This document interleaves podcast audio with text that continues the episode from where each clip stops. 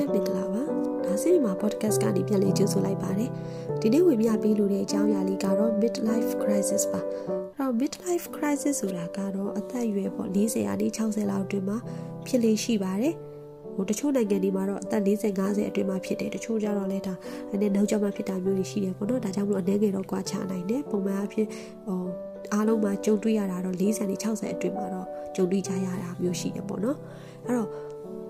ချိန်ကျရင် midlife crisis ခံစားရတဲ့အခါကျရင်ကိုယ့်ဘဝကိုစိတ်မချနှမှုတွေဖြစ်လာနိုင်တယ်။နောက်ပြီးတော့ကိုလုံးနေခဲ့တာဒီကိုရရှိနေခဲ့တာတွေဒီကိုယ့်ဘဝမှာအရင်တော့ကိုတကယ်မျှော်လင့်ခဲ့တဲ့အရာတွေဟုတ်ရဲ့လား။ကိုသာတကယ်လို့အဲဒုတိယကြိမ်အခွင့်အရေးရပြီးတော့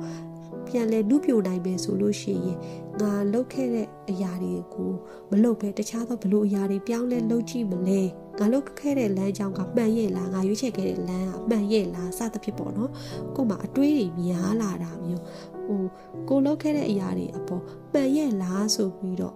ဒါတန်တရားတွေဖြစ်တက်လာတဲ့အခြေအနေပေါ့နော်အဲဒါကို midlife crisis လို့ခေါ်ပါတယ်အဲ့တော့ midlife crisis ကို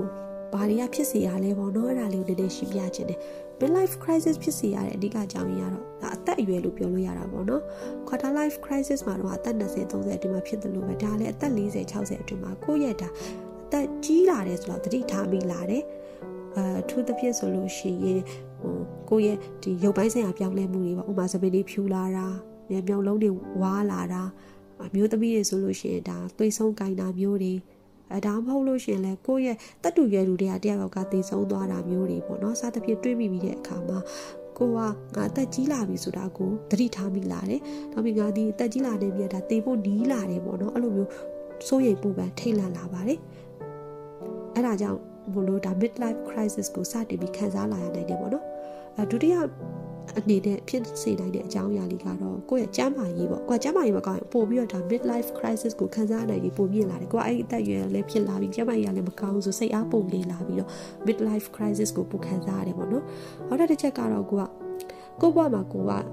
ကိုလိုချင်တဲ့အရာတွေရရဲ့လားဆိုတာကိုမသိတော့ကိုစိတ်ထဲမှာဝေဝါးလာတယ်ပေါ့နော်ငါဒီဟိုဘဲမမရဘူးငါတကယ်စူးစမ်းနေတာဟုတ်ရဲ့လားငါလိုချင်တာတွေရောရရဲ့လားဆိုပြီးတန်တရားတွေဖြစ်လာတယ် ပြီးတော့ကိုဘွားကိုလည်းတချို့အရာတွေအတွက်နောင်တတွေရလာတယ်ပေါ့နော်ကိုရဲ့ဘွားမှာကိုရရှိခဲ့တဲ့ဟာတွေကဟိုမှန်ရဲ့လားကိုလိုချင်တာတကယ်ရရဲ့လားငါစူးစမ်းခဲ့ရဲ့လားဆိုပြီးစသဖြင့်နောင်တရတယ်ဝမ်းနေတယ်စိတ်မကောင်းတွေဖြစ်လာတာမျိုးတွေပေါ့နော်ဒါကြောင့်မို့လို့လဲ midlife crisis ကိုပို့ပြီးတော့ခံစားလာရတယ်ပေါ့နော်နောက်ပြီးပါလို့ရှိရင်ကြတော့ကျမတို့တွေဟိုအဲ့ဒီကာလအဲ့ဒီအသက်အရွယ်ကြတော့ သားသမီးရှိတဲ့သူတွေကလည်းသားသမီးတွေဒီဒါတက်ရွယ်ကြီးလာပြီသူခြေထောက်ပေါ်သူရက်တည်နေလာတဲ့အခါကျတော့ကိုကကိုဘေးနာတွေထွက်ခွာသွားကြတယ်ပေါ့နော်အဲ့ဒီအခါမှာကိုကတယောက်တည်းဖြစ်လာပြီးတော့လုံးလေးဖြစ်လာတယ်ခံစားလာရတယ်တချို့ဆိုလို့ရှိရင်မိန်းမဖြစ်တဲ့လူတည်သွားတယ်ယောက်ျားဖြစ်တဲ့လူတည်သွားတာမျိုးဆိုလို့ရှိရင်ပိုဆိုးတာပေါ့နော်တယောက်တည်းခံစားနေရတယ်တယောက်တည်းပဲကြံတဲ့အခါမှာသားသမီးတွေလည်းဝေးသွားပြီးကိုဘေးနာလူကလည်းကိုပါတနာလည်းမရှိတော့ဘူးဆိုတဲ့အခါမှာအထီးကျန်ပိုဆန်လာတယ်စိတ်မကောင်းတွေပိုဖြစ်လာတယ်ပေါ့လေလို့လည်းဖြစ်တတ်ပါတယ်တချို့ကြတော့ဒီ အဲ့ဒီတိုက်ပြကြလို့ရှိရင်ကိုလုံးနေကြအလောက်ကနေနားလိုက်ရတာအပီစီယူလိုက်ရတာအဲ့လိုမျိုးကြလို့ရှိရင်လည်းအပြောင်းလဲဖြစ်သွားတဲ့အခါမှာကိုယ်စိတ်ထဲမှာဟိုအတွေးတွေပိုပြီးများလာတယ်တွေးဖို့ချိန်တွေပိုရလာတဲ့အခါမှာပိုပြီးတော့စိတ်မကောင်းဖြစ်စရာတွေကခေါင်းထဲဝင်လာတတ်တယ်ပေါ့နော်အဲဒီလိုပုံစံမျိုးနဲ့ midlife crisis တွေကဖြစ်လာကြတယ်ခံစားလာကြရတယ်ပေါ့နော်အဲ့တော့ midlife crisis ဖြစ်လာပြီဆိုလို့ရှိရင်ဘယ်လိုမျိုး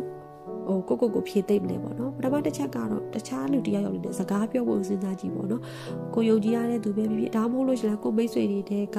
ဒါစကားပြောဖို့တခြားဒီအဖွဲ့တွေပိုင်းနဲ့ဆိုလို့ရှိရင်ဥမာအစည်းအဝေးပွဲတွေဘာတွေအဲအဲ့လိုမျိုး ဟိုတာရေးနာရေးတွေပေါ့နော်အဲ့လိုမျိုးတွေမှလည်းတွားရောက်ပြီးဆွေးနွေးတာအဲ့လိုလူတွေနဲ့ပြန်ပြီးတော့ဆက်ဆံလာတာမျိုးတွေလုပ်မယ်အဲပေါင်းတဲ့နေနဲ့ဒါသွားတာလာတာမျိုးတွေလုပ်မယ်စကားပြောမယ်ဆိုလို့ရှိရင်လည်းဒီလိုအခြေအနေကနေနည်းနည်းတက်တာရရနိုင်တယ်ပေါ့နော်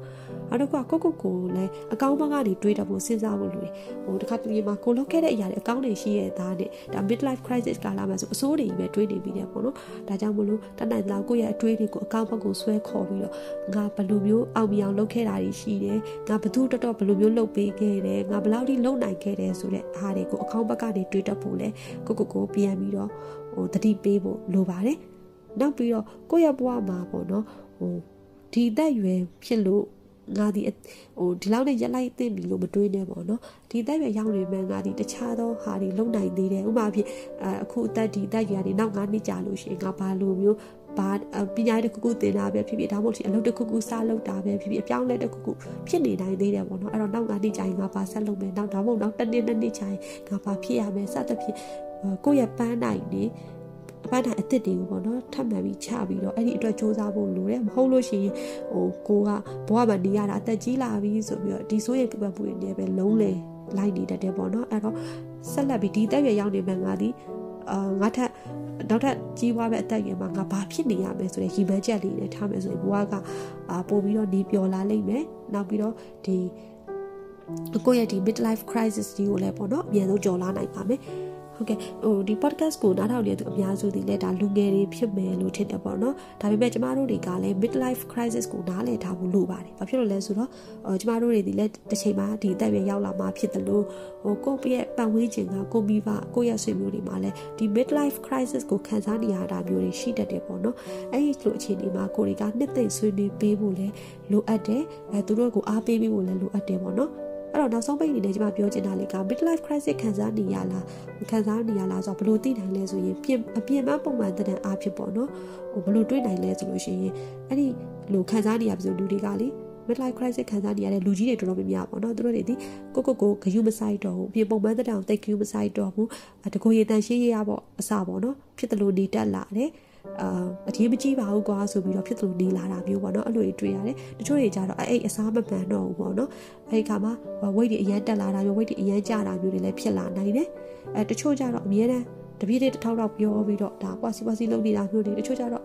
အများနဲ့လို့လို့စိတ်တူနေတတ်တာမျိုးတွေအော်ဟစ်စညံနေတတ်တာမျိုးတွေတချို့ကြတော့လည်းဝမ်းနေနေတာမျိုးပေါ့နော်အများနဲ့လို့လို့ဒါစိတ်မကောင်းဖြစ်တယ်ဟို ဟိုစိတ်ကမငြိမ်ဘူးပေါ့နော်စိတ်မကောင်းဖြစ်လိုက်အာစိတ်တိုလိုက်စသဖြင့်ဖြစ်လာတာမျိုးတွေဒီလိုမျိုးသူတို့ရဲ့စိတ်အပြောင်းလဲတွေကိုတွေ့မြင်နိုင်တယ်ပေါ့လေအဲတချို့အနောက်နိုင်ငံတွေမှာကျတော့အဲ့ဒီအရွယ်ကာလဆိုလို့ရှိရင်အိမ်အောင်ပတ်တဲ့ပြဿနာဖြစ်ပြီးတော့အိမ်အောင်တွေ꿰တာပါညာလည်းဖြစ်နိုင်တယ်ပေါ့နော် အဲ့တော့ဒီလိုမျိုးအချက်လက်တွေကိုပတ်ဝေးချင်မှာတစုံတယောက်ကိုတွေ့နေရပြီကိုယ်ဆွေမျိုးတွေကတယောက်ယောက်လူကြီးပိုင်းတယောက်ကိုတွေ့ရပြီဆိုလို့ရှိရင်ကိုတွေကသူတို့တွေနဲ့အချိန်ပေးပြီးစကားပြောဖို့အားပေးနှစ်သိမ့်ဖို့ပေါ့နော်သူတို့ပြောတာနားထောင်ဖို့ပေါ့နော်သူတို့ဘဝမှာသူတို့ကိုယ့်ကိုဘာတွေကျေးဇူးပြုပေးတယ်ဆိုတဲ့အကြောင်းလေးတွေကိုသူတို့နဲ့ပြန်လဲပြောပြပြီးအတိတ်တွေကိုပေါ့နော်ပျော်ရွှင်စရာကောင်းတဲ့အတိတ်တွေကိုပြန်လဲပြောပြရင်းနဲ့အဲသူတို့ဒီ midlife crisis ကနေကြော်လာတဲ့အောင်ကူညီပေးဖို့လိုပါတယ် ဟုတ်ကဲ့ဒါလေးကတော့ကျွန်မ midlife crisis အကြောင်းအနေနဲ့ပြပြပေးခဲ့တာဖြစ်ပါတယ် quarter life crisis ကိုလည်းအရှိမ podcast မှာပြောခဲ့ပြီးပြီဖြစ်လို့နားထောင်လို့လည်းဆိုလို့ရှိရင်လည်းတော့ရောက်နားထောင်နိုင်ပါတယ်အဲကျွန်မပြောခဲ့တာတွေထဲမှာလိုအပ်ချက်တွေရှိသွားခဲ့ရင်လည်းနားလည်ပေးပါလို့ဒါမှမဟုတ်လို့ရှိရင် comment မှာလည်းဆွေးနွေးဝင်ပြပေးလို့ရပါတယ်ကျေးဇူးအများကြီးတင်ပါတယ်ရှင်